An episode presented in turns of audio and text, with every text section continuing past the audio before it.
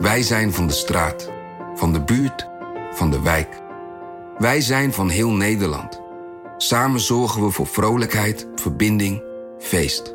Samen brengen we in één jaar tijd 349 miljoen euro bij elkaar. Miljoenen waarmee onze goede doelenpartners de wereld groener, gezonder en rechtvaardiger kunnen maken. Nationale Postcode Loterij. Samen voor een betere wereld. Artificial intelligence verlegt ondernemersgrenzen. Maar hoe werkt dat voor u? Als transformatiepartner helpt Capgemini u kansen te ontdekken en benutten, zodat we uw ideeën tot leven brengen. Vorm uw eigen mogelijkheden met generative AI. Ontdek meer op capgemini.nl/slash AI. Capgemini. Get the future you want. Dit is Haagse Zaken. Mijn naam is Lemia Aharoy. Als je vrouwen kunt verleiden of mannen kan verleiden, dan kun je ook kiezers verleiden. Ik ben een uh, verzetsheld. Ik ben naar het front geroepen omdat onze elites ons land verkwanselen. de mensen die hij bijna letterlijk van straat plukte om naar die discussieavonden te gaan, daar zijn er wel uh, een, een, paar van blijven hangen. Maar dat zijn niet per se de mensen die zich thuis voelen in een confectiepak dat een politieke partij kan zijn. Fijn dat je weer bij ons bent.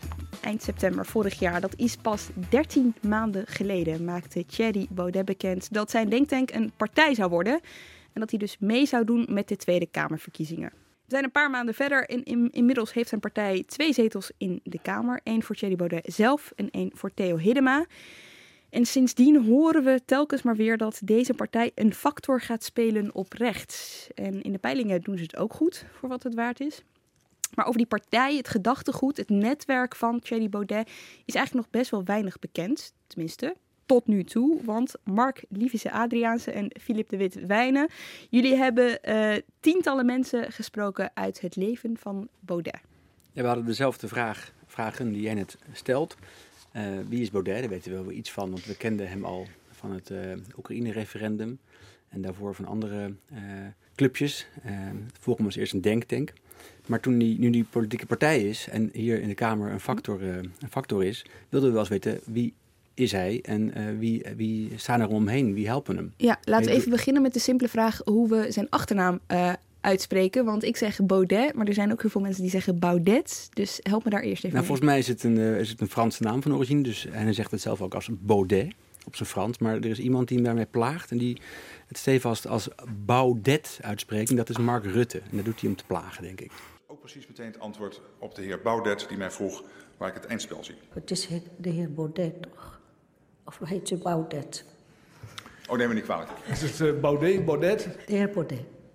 Ja, ik hoorde de heer Rutte zeggen dat uh, hij antwoord heeft gegeven op mijn vraag. We houden het dus op Baudet. Ik zeg Baudet. Okay. En de luistert die naar als Jij, Mark? dan komt. Ja, ik, ik, denk dat dat verstandig is. En wat ook wel grappig is, dat je ook ziet dat het aantal van die mensen om hem heen... die zeggen niet Thierry, maar Thierry. Uh, oh, ook ja. om een beetje dat... dat Fransen nog wat. Uh, uh, ik ja, onthoud dat allemaal niet hoor. Ik hou het gewoon op Baudet, oké? Okay? Baudet. Ja, is goed. Jullie gingen dus uh, aan de slag met dat stuk. nog, nog even om het, om het duidelijk te maken. Met welke vraag gingen jullie op pad? Nou, we zijn eigenlijk op, op pad gegaan om te kijken wie zijn de mensen die belangrijk zijn voor het Forum voor Democratie en voor Baudet zelf. Dus uh, mensen uh, waardoor hij zich laat adviseren. Mensen die uh, de partijorganisatie eigenlijk runnen. En ze hebben best een grote campagne gevoerd. hebben nog steeds redelijk wat evenementen in heel land. Wie zijn de mensen die dat allemaal organiseren? hoe kennen zij elkaar? Wat, hoe zijn ze bij de partij betrokken geraakt? dat soort vragen, ja, daar zijn we eigenlijk mee begonnen.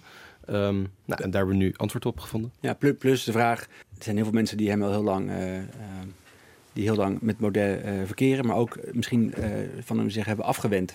Mensen die bij de denktank zaten, destijds, twee, drie jaar geleden, en nu niet meer bij de partij betrokken zijn. Wie zijn dat en waarom zijn ze, waarom zijn ze niet meer actief voor de partij? Ja, en om die vraag te beantwoorden moet je dus met heel veel mensen gaan praten. Kunnen jullie me meenemen, hoe ging dat? Als je zei, hoi, ik wil het graag met je hebben over Baudet of over het forum, werd er dan meteen een ja geroepen? Nou, ik, ik, sinds ik Thierry Baudet hier tegenkom uh, in maart, is, vind ik het een vrij toegankelijke, aardige, aardige, aardige man, waar we normaal mee kunnen, kunnen praten. Ehm, maar sinds ik me in deze partij ben gaan verdiepen als verslaggever, vond ik het best ingewikkeld worden. Uh, er ging de deur een beetje dicht, zowel Oh ja. bij hem als ook bij mensen om hem heen. Eh, er is wel een extra drempel, een hogere drempel om bij deze partij te komen dan bij een partij als GroenLinks, die ik ook volg. Eh, dat zie je al in de, in de, in de gang, eh, in de vleugel waar ze zitten in de, in de kamer. Die deur is altijd dicht. Bij de meeste gangen kun je gewoon doorlopen en eh, klop je netjes aan. Of de deur staat al open om even hallo te zeggen tegen kamerleden of medewerkers. En hier is het iets, eh, iets hoogdrempeliger. Ja, er staat ook midden in die gang een, een soort vlag of een banner waar, waar dan een, een campagnetekst op staat. En daarachter liggen de kantoren van Hiddema en Baudet. Maar eigenlijk als je binnenkomt, dan, eh, dan zie je de woordvoerder. En ehm, je merkt dan wel heel erg dat ze moeten wennen aan je aanwezigheid. Kijk, bij andere politieke partijen, daar loop je makkelijker binnen. En die weten gewoon, als journalisten lopen hier rond. En bij het Forum merk je nog wel heel erg dat ze ja, moeten wennen aan het feit dat ze, eh, eh, dat, dat ze eigenlijk hier in de Kamer vrij benaderbaar zijn voor journalisten. Maar is dat, is dat niet gewoon normaal voor een nieuwe partij? Dat je daar een beetje... Dat een kan. beetje- Ja, en, eh, maar ik merkte ook in de manier. We hebben gewoon uitgelegd wat we aan het doen waren. We hebben overigens een maand terug een ander verhaal over de partij geschreven. Ze, ze doen het een beetje. eh, ze, ze stellen zich open en transparant. Eh, dus ze vragen: Oh, wat leuk, maak een verhaal voor ons. Eh, wat ga je maken? Maar dan willen ze vervolgens, voordat, je, voordat, ze toestemming, voordat ze medewerking verlenen, willen ze een vragenlijst. En dan stuur je met moeite, dus dat een lastige volgorde vind ik, dan stuur je een vragenlijst. En dan vinden ze die vragen suggestief en dan willen ze er eigenlijk niet aan meewerken. Het is allemaal, ze maken het een beetje ingewikkeld. Ja, en soms merk je dat, dat mensen dan uiteindelijk toch nog dat je nog wel echt een gesprek kunt voeren en wat, wat dingen kunt horen. Eh, maar wat ik op zich grappig vond, was op een gegeven moment eh, zijn we heel veel eh, actieve leden van de partij gaan benaderen. Ehm, gewoon gezegd van joh, we zijn bezig met een verhaal en we willen horen hoe jij hier, of u hierbij gekomen bent en hoe kent u al deze mensen. Ehm, en toen kregen we eigenlijk allemaal de standaard reactie: je moet bij Jeroen de Vries zijn, dat is de woordvoerder van Mhm. de partij. Eh, hij doet alle mediacontacten. En vervolgens Jeroen de Vries, die zei: Ja, sorry, maar we werken niet mee aan het verhaal. Ehm, dus ook- Waarom? Zei hij ook waarom? Nou, hij zei eerst dat hij wel mee zou Ja. werken. En hij vroeg om die vragenlijst of om de namenlijst. Ik wilde weten, zijn deze mensen inderdaad actief voor de partij? Wat doen ze dan?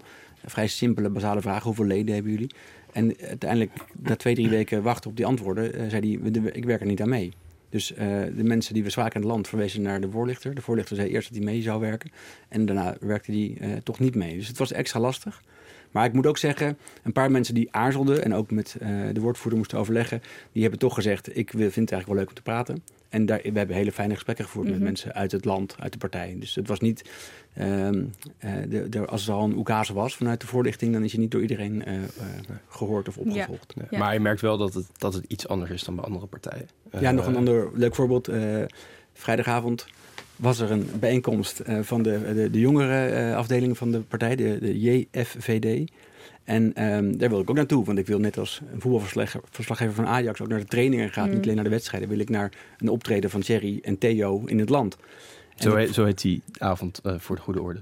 Theo en. Jerry Oh, vertellen ja. over de Tweede Ja, Kamer. dat precies. is hoe het, Echt? ja, Ja, maar ik wilde daar dus bij zijn. En eh, nou, daar ook dezelfde, dezelfde mechanisme. De, de jongerenclub zegt, die verwijst me door naar Jeroen de Vries. En die zegt, het is eigenlijk alleen voor mensen onder de 30. Nou, dat ben ik inderdaad niet meer. Ik wel, dus ik zou dan nog Ja, kunnen. maar ik ben journalist. Kan ik dan niet als Ja. journalist binnenkomen? Theo Hiddema is ook geen 30 meer. Die, die zat op het podium. Maar toen moest ik een kaartje kopen. Oh ja? En, ja, dus ik was welkom, maar ik moest, moest een kaartje kopen. En dat is, het gaat niet om die 30 euro. Maar Een kaartje kost is- 30 euro. Ja, 30 euro. Maar dat een journalist voor een kaartje moet kopen voor een politieke bijeenkomst van een eh, eh, lezing van een politiek leider, is in Den Haag, laat ik het zeggen, uitzonderlijk. Ja. Ehm, en dat ben ik, zijn wij niet gewend, maar dat, ik denk dat ook, dat ook hier de partij misschien niet gewend is over hoe, hoe dat dan werkt met journalisten. Ben je geweest? Nee. Want? Ik ga geen kaartje kopen voor eh, eh, dingen die ik voor mijn werk moet doen. Z- Zien jullie wel wat veranderen, zeg maar? Dus, eh, want ze zitten er nu eh, sinds eh, maart in de Kamer. Eh, ik bedoel, zie je dat het wat losser wordt, wat transparanter wordt? Kun je Nou, iets verder nou, dan ja, die banner lopen? nee, wat ik net zei, is dat ik met, met, met Baudet best eh, aardig contact had in die eerste paar maanden eh, op de gang of met app-contact. Dat is wel minder geworden. Het is iets formeler geworden via die woordvoerder. Het kan ermee te maken hebben dat hij ook iets terughoudender is vanwege zijn situatie met dat gedoe in Amsterdam dat zijn voordeur was beklad. Dat weet ik Mhm. niet. Dat zou kunnen. Kan ik me overigens best voorstellen. Eh, maar hij is ook, we hebben ook aan hem zelf gevraagd: wil je met het verhaal meedoen? En toen keek hij eerst heel eh, enthousiast en, en, eh, en open. Maar vervolgens liep hij weg en zei hij: nee, slecht idee. Het liep hij weg. En dat, ja, dat kan. Ja, Het is goed, recht, laat, laten we wel zijn. Wij zijn niet eh, de baas over zijn agenda of zijn mediabeleid. Nee, natuurlijk niet. Ehm, even, even over de partij zelf. Hè? Want uh, Forum voor Democratie begon dus als uh, leesclub op de universiteit. Werd... Nee, nou, niet, niet, helemaal. niet helemaal. Nee. Um, Baudet die, uh, was lid van het Amsterdamse studentendispuut Unica. Dat is een soort ja, literair dispuut. Um, die hebben ook een eigen huis en daar gaan, wonen heel veel studenten dan in. En ze praten heel erg over boeken. En toen heeft hij zijn eigen leesclub gestart, genaamd Winfried. Um, en dat was... waar, waar, waar verwijst dat naar? Klinkt middeleeuws. Ik ken mijn klassiekers niet. Weet niet of ze nee. um, maar daar, daar is het eigenlijk begonnen. Dus op zijn studentenkamer om gewoon met vrienden uh, boeken te bespreken. Dat, dat is op zich helemaal niks raars. Dat, dat doen heel veel studenten. Um, dat soort leesclubs. En op een gegeven moment is dat wat serieuzer geworden. En heeft hij ook sprekers uitgenodigd. Uh, daar heeft hij bijvoorbeeld ook Paul Cliteur voor het eerst uitgenodigd. Toen was hij nog student. Toen hebben ze hem uitgenodigd om uh, nou, zijn, zijn filosofie, zijn rechtsfilosofie te bespreken. Wat studeerde hij? Hij studeerde geschiedenis aan de UvA op dat moment. Okay. Ja, en op een gegeven moment is dat, dat is langzaam geëvalueerd. Er zijn mensen bijgekomen, mensen afgevallen. En daar bespraken ze boeken uh, en ideeën. Uh, en op een gegeven moment is dat inderdaad de jaren later het Forum voor Democratie de denktank geworden. En daaruit van de partij gekomen. En weten we wat voor boeken ze daar bespraken? Um, nou, er is een anekdote die Frits Boterman, dat is een, een Duitsland uh, regelmatig vertelt over uh, de ondergang van het avondland. Dat is een boek van een Duitse cultuurfilosoof Oswald Spenger, Spengler. Dat is een vrij duistere, pessimistische kijk op de westerse beschaving die ten onder gaat. Um, door allerlei invloeden van buitenaf. En die moeten we beschermen, die, die samenleving. Um, en Boterman is daar heel alarmistisch over. Die zegt, het is best een gevaarlijk boek. En hij werd op een gegeven moment, dat vertelt hij dan die anekdote... hij werd op een gegeven moment uitgenodigd door een studentenclubje... om dat boek eens bij, hem, bij hun te gaan bespreken. En hij dacht, nou prima, dan gaan we gewoon kritisch analyseren. Maar hij schrok toen eigenlijk, omdat zij veel positiever over dat boek waren... dan hij van tevoren had gedacht. Nou, en dat was het clubje uh, rondom Baudet. Uh, die, die ja, dat soort boeken toen besprak. Maar ook uh, gewoon de normale conservatieve filosofen als Edmund Burke werden daar wel besproken. Adam Smith, Stuart Mill, um, dat soort denkers, zeg maar. En voor wie nooit in zo'n clubje heeft gezeten, uh, wat er dan gebeurt, is eigenlijk gewoon discussiëren over de inhoud. Ja, nou, ik, ik heb wel in zo'n clubje gezeten toen ik student was. En wat je eigenlijk doet is, je, je beslist van, nou, we gaan dit boek lezen. En dan kom je samen en eet je wat en drink je wat. En dan bespreek je dat boek en wat je ervan vond. En de ideeën die erin zaten, wat er niet van klopt, wat er wel van klopt. Uh, nou, en dan besluit je welk boek je de volgende keer gaat lezen. Oké. Okay. Philip, heb jij in een leesclub gezeten? Nee, oh, ik lees wel, maar... Uh, Gelukkig, ik dacht dat ik de enige was.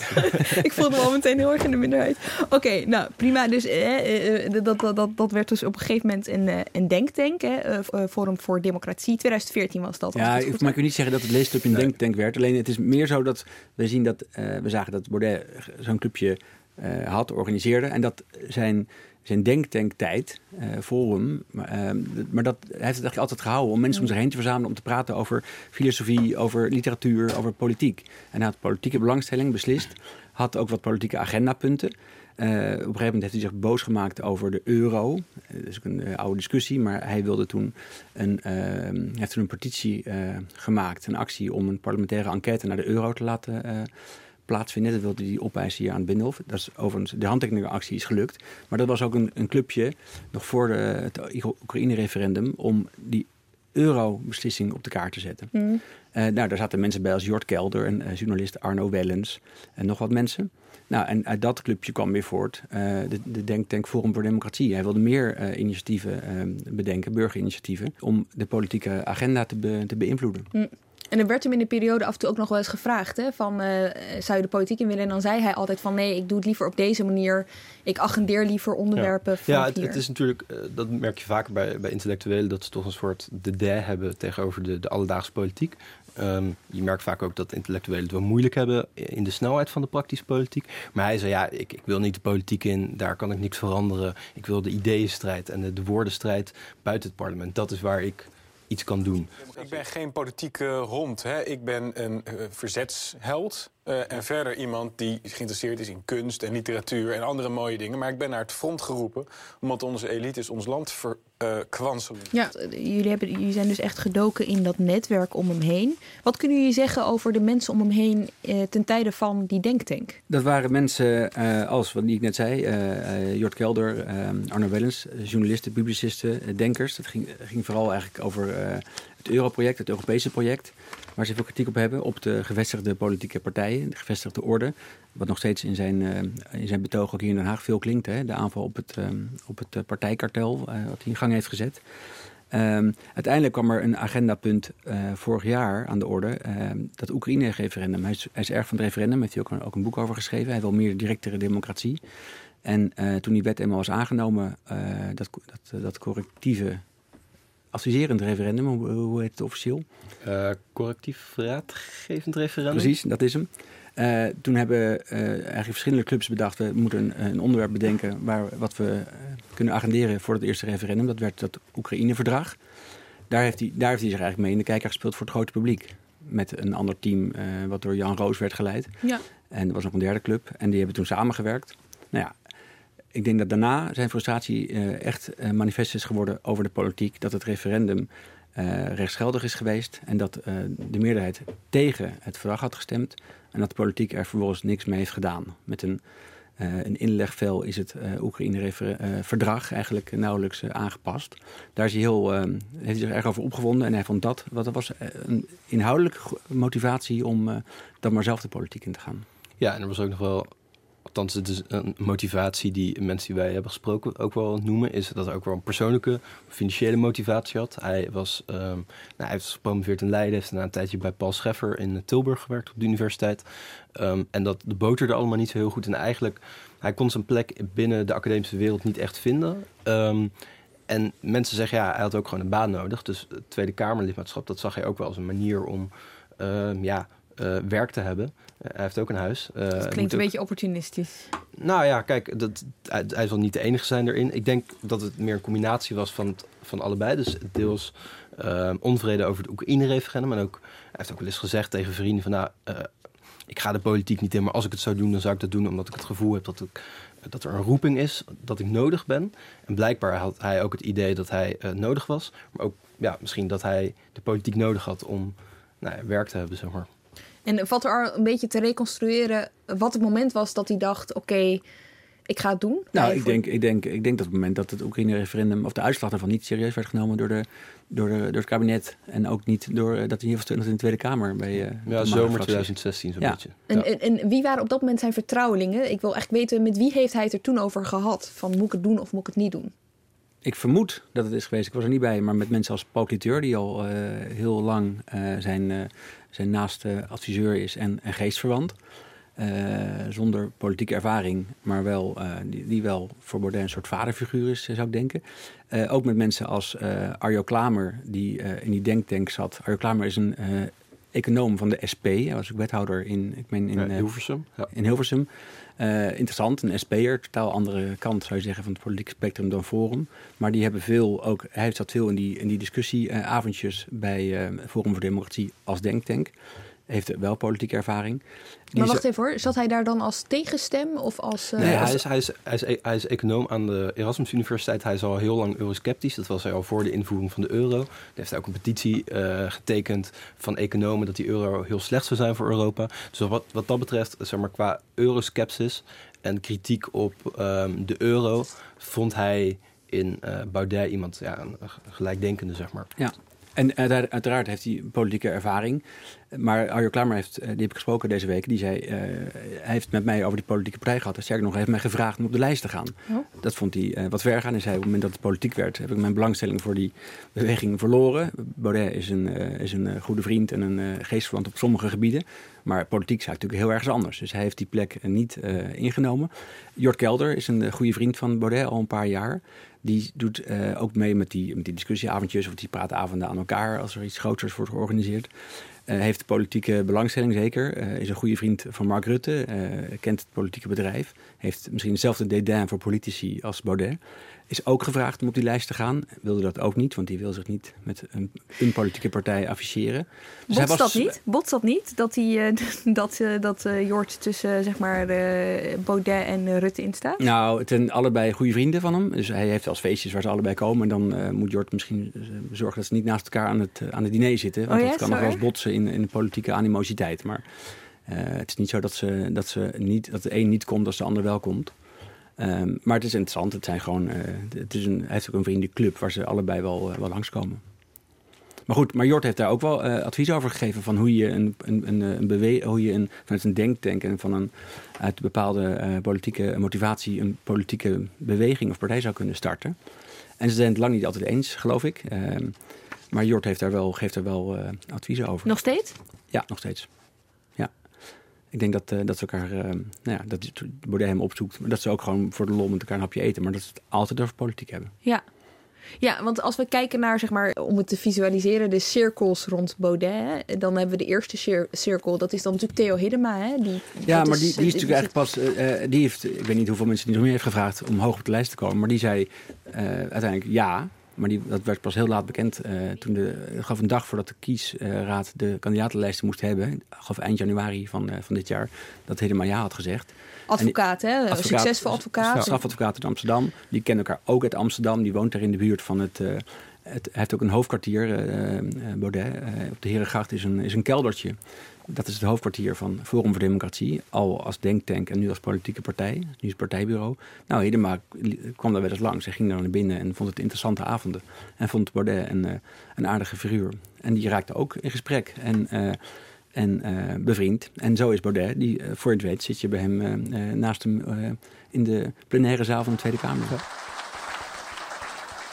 Nu geef ik heel graag het woord aan de nummer twee op onze lijst. Vermaard strafpleiter, jaren achtereen, best geklede man van Nederland, Theo Hiddema. Ja, dat is eigenlijk wel de rode lijn um, van de mensen die zich verzameld hebben rondom hem en rondom de partij. Dat ze ooit met Baudet aan, aan de praat raakten. Dat kan zijn op de universiteit of tijdens een, een discussieavondje of uh, in de kroeg. in de, kroeg. Uh, de persverlicht van de partij is in de kroeg aangesproken door Baudet of hij niet eens langs wilde komen op een avondje. Um, sorry hoor, sorry, ik probeer even. Is dat dan een beetje beschonken? hey, ik heb nog een leuke baan voor je. Nee, of is, gaat hij daarheen met een missie? Nee, dat, dat was. Nee, volgens mij. Uh, ja, hij, hij, heeft een neus, gebeurt, hij heeft een neus voor mensen waarvan ja. hij denkt. die zou het wel eens met mij eens kunnen zijn of kan ik mee discussiëren. Die moet ook naar mijn discussieavond komen. En zo heeft hij allerlei mensen, jong en oud, uh, man en vrouw.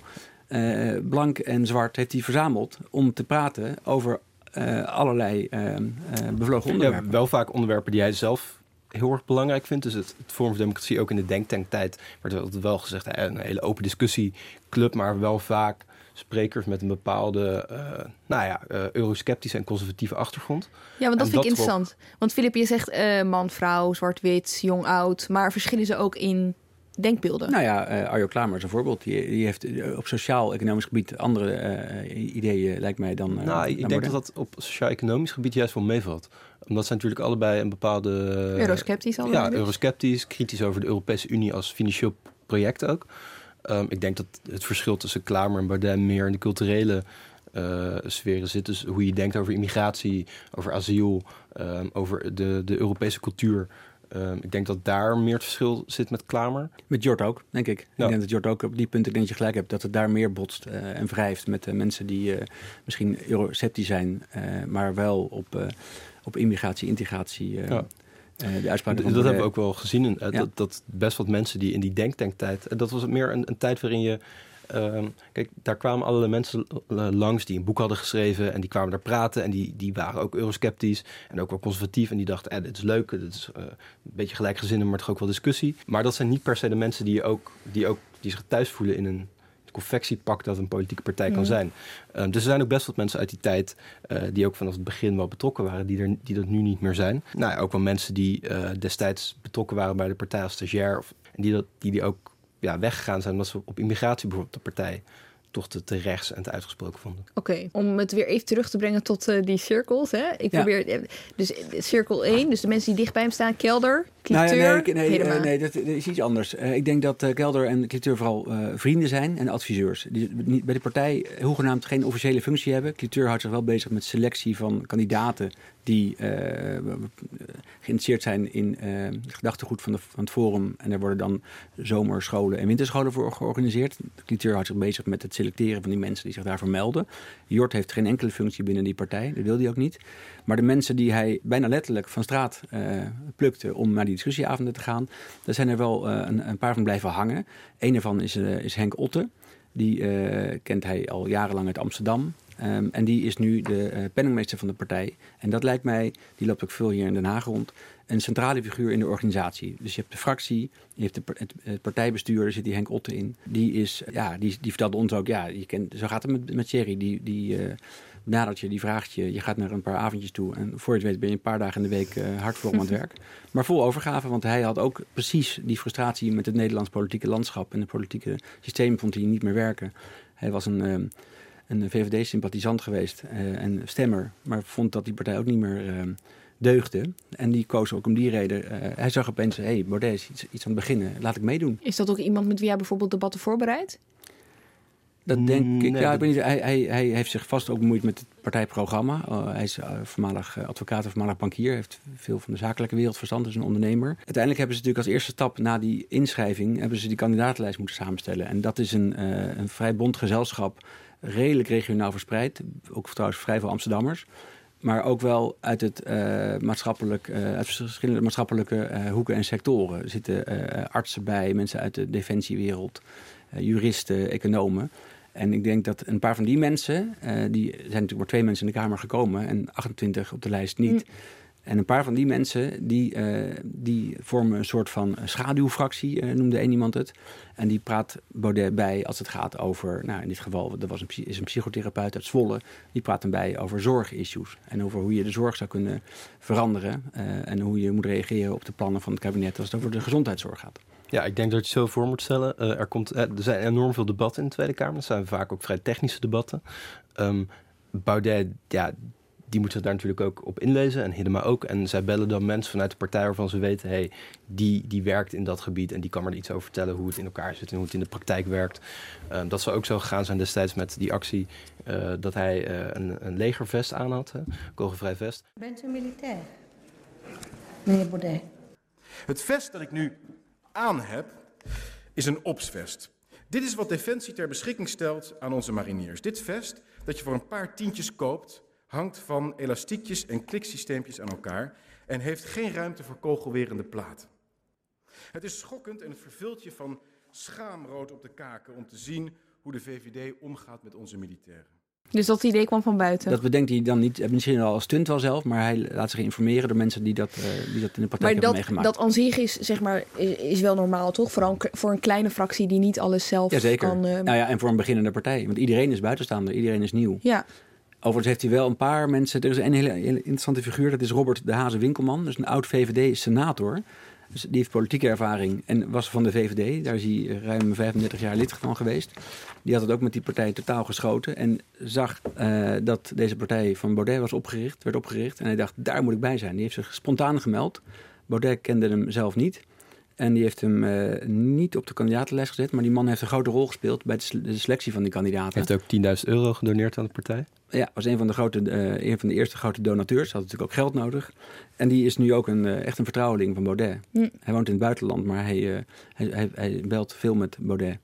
En geeft advies. En zo ook bij de, neem ik aan, bij de komende selectie van gemeenteraadslidkandidaten of straks provinciale statenkandidaten. daar een rol in, in kunnen spelen. Ja, jullie noemen hier natuurlijk een aantal namen, maar alle namen die hebben jullie heel mooi in kaart gebracht in een, een stuk voor NRC uh, en NRC.nl natuurlijk dat absoluut het lezen waard is. En die selectie, hè, want uh, daar schrijf je natuurlijk ook over hoe dat, uh, hoe, hoe, potentiële kandidaten worden geselecteerd. En, en nou, je had het net al eventjes over winterscholen en eh, zomerscholen. Ja. Um... en dat is overigens niet. Hij, hij, voor mij zoekt de partij op verschillende manieren uh, politiek talent. Mensen die potentieel volksvertegenwoordiger kunnen worden. Hier in Den Haag, uh, in de gemeenteraad, waar ze vooralsnog en alleen in Amsterdam zullen meedoen volgend jaar. En een uh, verbond in Rotterdam. En een verbond in Rotterdam, maar die zullen een eigen lijst organiseren. Uh, vervolgens de provinciale statenverkiezingen, waarmee je ook in de Senaat terecht kunt komen. Daar zijn ze op, naar op zoek naar, naar grote talenten. Maar die zomer- en die winterschool, daar, zoeken ze, daar praten ze met mensen die actief zijn als arts of als journalist of als... Um, als onderwijzer, omdat ze ook die mensen uh, in het maatschappelijk middenveld, zeg maar, om, om die ook hun uh, ideeën bij te brengen. En daar is ook voldoende belangstelling voor. Er uh, is plek voor, ik weet niet, 30 mensen en dan melden zich misschien 150 mensen. En dan wordt, wordt, moet je dus solliciteren op die, op die, die summer course. En hebben jullie uit die gesprekken die je hebben gevoerd een beetje een idee kunnen krijgen over wat die ideeën dan zijn waar ze meer over leren? Nou, je moet eigenlijk zo zien er zijn regionale coördinatoren in elke provincie. Die zoeken een beetje mensen uh, die voor de partij eventueel in de toekomst ja, iets zouden kunnen gaan doen. En die mensen uh, die worden dan ook door uh, cliteur geselecteerd voor een deel. En die komen dan bij kadercursussen, waar dus het toekomstige partijkader komt. En daar worden ze geschoold. En ja, uh, een van de mensen die we spraken, die zei in vrijheid en democratie. Vind ik vrij breed. Maar uh, dus in, in, ja, ook wel de filosofische achtergrond van het conservatisme. Uh, dat bespreken ze daar dan van. Ja, we hebben bepaalde ideeën. Wat zijn die ideeën? Wat is de oorsprong daarvan? Um, hoe zie je die terug in de moderne samenleving, in de moderne politiek? Die ideeën die zijn rechtsconservatief, um, maar zijn ze ook controversieel? Um, nou, het, het, opmerkelijk vind ik eigenlijk dat rechtsconservatisme in Nederland, zoals zij dat nu voeren, um, heb je allerlei partijen gehad die dat geprobeerd hebben. En dat is een politieke ideologie die in Nederland helemaal niet zo heel succesvol is geweest. In Engeland is die veel groter bijvoorbeeld. Um, maar zij lukt dat wel. En dat komt ook omdat ze het iets populistischer misschien maken. En ook wel wat, wat nationalistischer. Baudet noemt zichzelf ook een nationalist. En controversieel, ja kijk, zij, Baudet speelt op sommige punten ook heel erg in op uh, bijvoorbeeld masculiniteit. En um, de manier waarop de samenleving um, ja, bepaalde normen op zou leggen aan mannen. die dan weer anders zijn dan vrouwen. Hè. Een aantal jaar geleden had je die voorbeelden uh, waarbij het met een versiercoach aan kwam zetten. Um, over wat vrouwen dan werkelijk zouden willen. Maar ik begreep trouwens um, dat hij ook versiercoaches uh, op, bij die zomerscholen laat opdraven. Omdat hij uh, van gedachte is dat als je vrouwen kunt verleiden... of mannen kan verleiden als je als vrouw een man moet versieren... dan kun je ook kiezers verleiden. Oh, dus er was ja? ook een keer een versiercoach op een van die cursussen... Uh, om daar uit te leggen hoe je mensen verleidt. Ik vraag me dan wel af, als een kiezer nee zegt, bedoelt hij dan ook echt nee of zit er toch nog iets anders achter? Um, maar nee, goed, dat is, dat, dat is wel iets dat, dat zie je in Amerika ook met bijvoorbeeld uh, iemand als, als Milo. Dat een uh, vrij controversieel Amerikaanse provocatieve alt-right figuur is. Die heeft hele duidelijke antifeministische ideeën. En die vindt allemaal de, de samenleving die, die wordt steeds vrouwelijker. En de man kan geen man meer zijn. En daar speelt Baudet ook wel een beetje op in. En dat merk je soms ook wel uh, de mensen die naar dat soort evenementen toekomen. Die toch een soort van het idee hebben van... ja, wij als man kunnen geen man meer zijn. Uh, moeten ons allerlei, ja, worden, moeten allerlei vrouwelijke normen gaan volgen. Dat kan toch niet? En die moeten gewoon een grapje kunnen maken. En ja, dat, dat is wel iets, daar zie je ook wel een soort maatschappelijke trend tegen ingaan op dit moment. Um, nou ja, en daar speelt er voor een deel op in. Voor een deel zit hij natuurlijk ook wel in de, um, nou, als hij het heeft over uh, asiel en immigratie. Uh, hij heeft de uitspraak over homeopathische verdunning gedaan, waarvan hij vervolgens zei, nee, dat had allemaal met cultuur te maken. Um, maar er zitten wel, nou, bijvoorbeeld die Spengler, dat is gewoon best een radicaal figuur. Uh, dat zijn... is degene van die boekenclub ja, waar ze het toen over hebben gehad. Precies, ja, die heeft gewoon wel vrij uitgesproken ideeën over uh, identiteit, over uh, cultuur, over ras ook. Um, zegt dat hij geen adept meer, let wel meer is van Spengler. Um, maar hij is er wel erg sterk door beïnvloed. En, en hoe die mensen die jullie hebben gesproken, hè, heb je, is dit ter sprake gekomen? Hoe wordt daarover gedacht? Nou, het is niet zo dat iedereen daar heel ideologisch is hoor. Uh, ik denk dat je een deel van de mensen bij het Forum voor Democratie, dat zijn meer de intellectuelen en die bespreken echt dit soort ideeën. Uh, en je hebt gewoon hele praktische mensen die het heel erg eens zijn. Die vinden ook uh, de VVD dat er iets tegen moet gebeuren. En die vinden ook dat de politiek allemaal corrupt is. En partijkartel, zoals Baudet dat dan noemt. Um, dat is een, een, deel. En je hebt ja, de intellectuelen die meer de, het denkwerk erachter vormen. Nou ja, en we hebben ook uh, een paar mensen gesproken die niet meer bij de partij betrokken zijn. Die wel bij dat forum uh, als denktank zaten. Die Arno Wellens die ik noemde. Die is ook uh, zeer eurosceptisch en um, EU-sceptisch. Maar die, heeft het, die is echt met de Baudet gebrouilleerd geraakt. eigenlijk op het moment dat het een politieke partij werd. Waarom? omdat hij um, ook bepaalde ideeën te radicaal vindt. Maar ook vond dat Baudet ook politieke overdrijving gebruikt waar hij het niet mee eens is. Deze jongen is journalist. En die wil dat de feiten kloppen. En hij vindt uh, dat in bepaalde discussies over migratie... dat Baudet met, verkeerde, uh, met bewust met verkeerde uh, getallen schermt. En daarmee probeert kiezers te scoren of een debat te winnen. Maar Arno zegt, ja, als die getallen niet kloppen dan, en hij doet het bewust... dan is dat politieke manipulatie. En daar wil ik me verre van, van houden. Dus die heeft afgehaakt. Dan gaan we door naar uh, de mens, Thierry Baudet. Wat voor beeld van hem komt er naar voren? Wat voor type is het? Is het een gezelligheidsdier? Is het een... Uh... Nou, ik, de meeste mensen die zijn uh, vrij snel door hem betoverd. Die mensen die bij Forum actief zijn, die zeggen... ik heb hem gezien en het, ik had meteen door... dat is een briljante man, hoogbegaafd, charmant, aardig, grappig... beetje Pim Fortuyn-achtig. Dat vonden mensen, eh, die vonden het gewoon een bijzondere figuur. En verschijningen wilden er graag mee, eh, mee eh, in gesprek. En daarna misschien een biertje drinken. En eh, nou ja, wat we net zeiden, voor je het weet eh, zit je eh, in die partij, ben je partijvoorzitter of eh, secretaris of penningmeester. Eh, maar de meeste mensen die, die waren vooral eh, ja, gebiologeerd door zijn ehm, ehm, charmante uitstraling en zijn, eh, en zijn overredingskracht. En zijn, eh, Ja, hij doet het dan. Hij stuurt je een bericht van... hey, kom eens wat drinken, kom eens langs bij een avondje. Ja, legt hij een arm op je schouder. En dan, eh, je raakt gewoon op een bepaalde manier... weet hij erbij te betrekken. En dan kom je bij zijn avond langs. En dan stelt hij je nog eens aan iemand voor... die een beetje dezelfde achtergrond heeft. En zo breidt dat netwerk zich ook uit. Ehm, dus heel sociaal eigenlijk. Ja, wat, wat ook wel nu blijkt, ehm, is dat eh, zeg maar eh, een denktankvoorzitter of campagnevoerder heel anders is dan uiteindelijk het politieke handwerk en in de Kamer staat. Deze week natuurlijk de algemene politieke beschouwingen. Hè? Ja. Eh, en daarin zie je dat hij een paar keer. Afdroop. Ja, ik wil het niet zo zeggen, maar ja, eigenlijk wel. Voorzitter, wat ik net zei was allemaal eh, juist. En als de heer Baudet op een specifiek onderdeel nadere toelichting wilde, ben ik daar natuurlijk van harte toe bereid. Ja, ik vind het geen manier van discussie. Ja, wat eigenlijk, ehm, wat mij de afgelopen maanden juist wel opviel, was dat hij sowieso ook tijdens grote debatten, en er waren niet heel veel, maar een paar, heel weinig interrupties hield. Ehm, terwijl dat eigenlijk de mo- momenten waren geweest waarop hij ook had kunnen oefenen met eh, die hele eh, snelle reacties die je vervolgens krijgt van mensen als, als Dijkhoff. Die zijn er gewoon heel slim in, een beetje geheist misschien. Die weten heel goed hoe ze zo'n iemand vervolgens, Buma kan dat ook, ehm, ja, af kunnen laten druipen. En in dat soort hij- had hij dat iets meer kunnen oefenen misschien daar was het vaak, eh, hij las zijn tekst op en hij had eh, nou, een- een kunstje met het balletje balletje in een zorgdebat, met die kogelvrije vesten in het debat over Mali. Ehm, maar daar had hij zich qua het politieke handwerk misschien nog iets meer ja, kunnen oefenen, zodat hij op het moment suprem deze week ehm, daar scherper in was geweest. Ja, en die, die twee stunts die je noemde, die hebben eh, overigens wel een ander effect. Want wie kijkt er naar een kamerdebat? Niet al te veel mensen. Wij journalisten. Maar eh, die filmpjes van hem in zijn gevechtspak en met zijn balletje balletje... die scoren ontzettend goed op zijn eigen Facebookpagina. Nou, ook filmpjes van het debat van Van de Week, waarin hij wel, eh, dan wordt het zo geknipt dat de reactie van Dijkhoff, die, die zit er niet bij, maar wel het verhaal van Baudet, waarin Ja. hij vertelt, hè, belachelijk al die VVD'ers in de Ja. zorgwereld. Nou, dat zet hij op Facebook en daar komen heel veel reacties op. Wordt Ja. enorm veel gedeeld. Ehm, dus dat, dat raakt wel... Ja, dus als, ehm, als wij zeggen dat het niet zo goed ging, dat hoeft hem niet te raken. Als Nee. blijkt dat, eh, Nee. dat het verslag wat hij zelf op Facebook zet, an- eh, dat het andere mensen eh, op een andere manier zien. Ja. Hij heeft sociaal eh, en op social media gebied een heel groot bereik.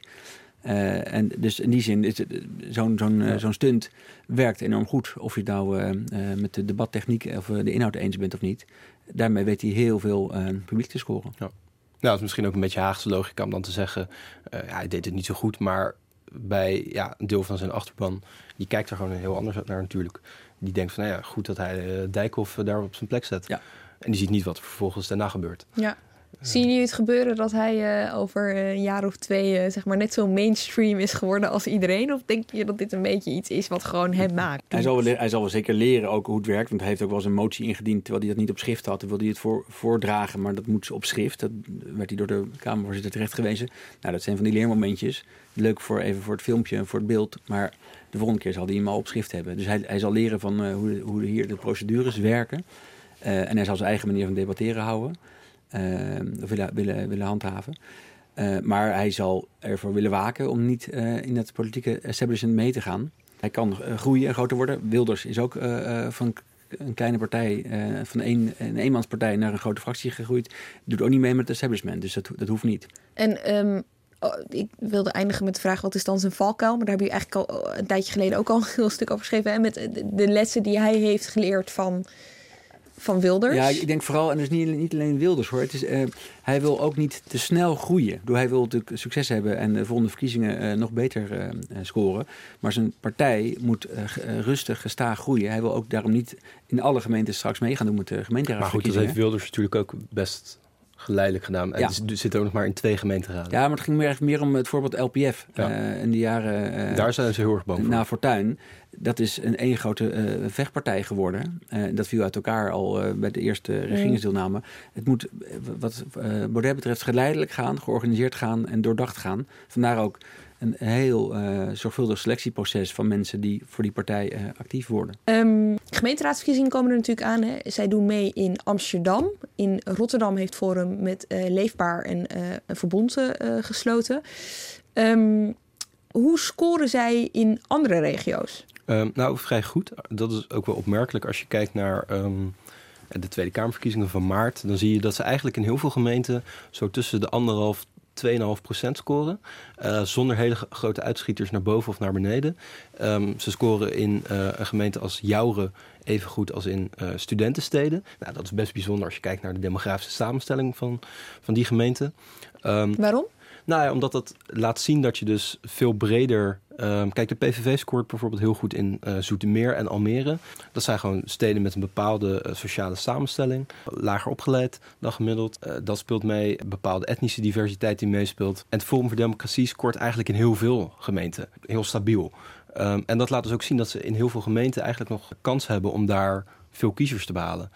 Wat ik interessant vond was dat zij in de verkiezingscampagne een evenement hadden in Emmen. Uh, op een doordeweekse avond waar ik geloof 200, 300 mensen in de zaal zaten. Nou, dat is best knap voor een nieuwe politieke partij. Bij, bij, bij Buma in Drachten zaten 30 bejaarden. Precies, ja. Dus Dezelfde week. Dat, dat is heel knap.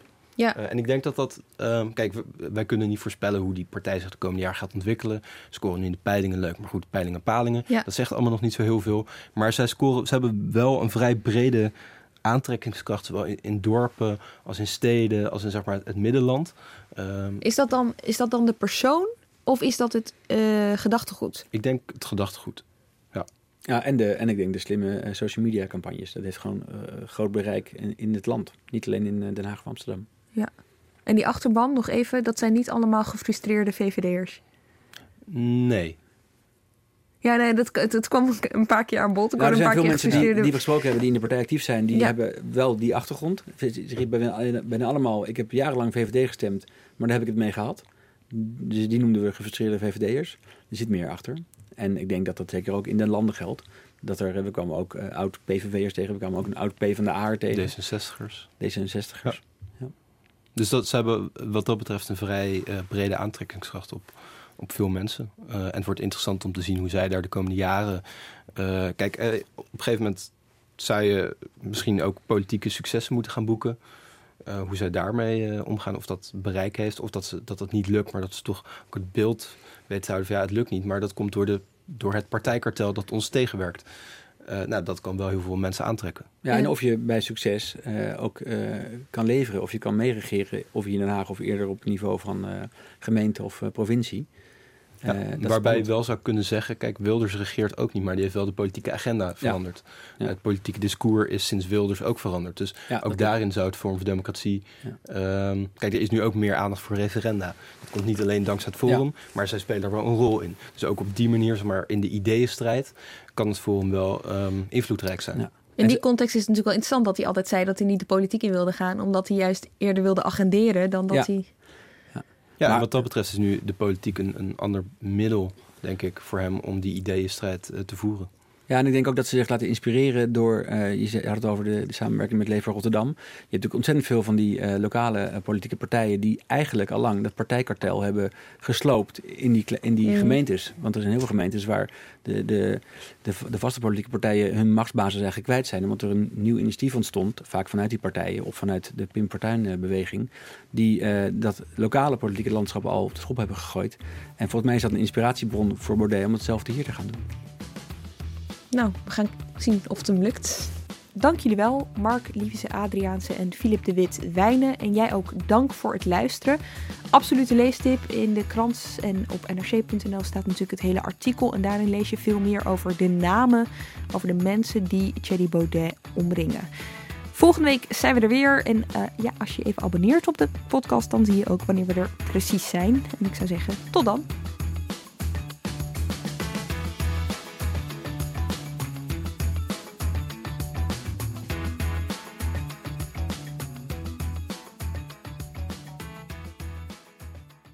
Je hebt aardig wat vermogen opgebouwd. En daar zit je dan, met je ton op de bank. Wel een beetje saai, hè? Wil jij, als belegger, onderdeel zijn van het verleden of van de toekomst? Bridgefund is een slimme fintech die een brug slaat tussen de financiële behoeften van ondernemers en van beleggers. Dus wie belegt bij Bridgefund krijgt niet alleen een mooie vaste rente, maar brengt ook ondernemers in beweging. Echt waar. Met die ton kan je zoveel betere dingen doen. Bridgefund. Make money smile.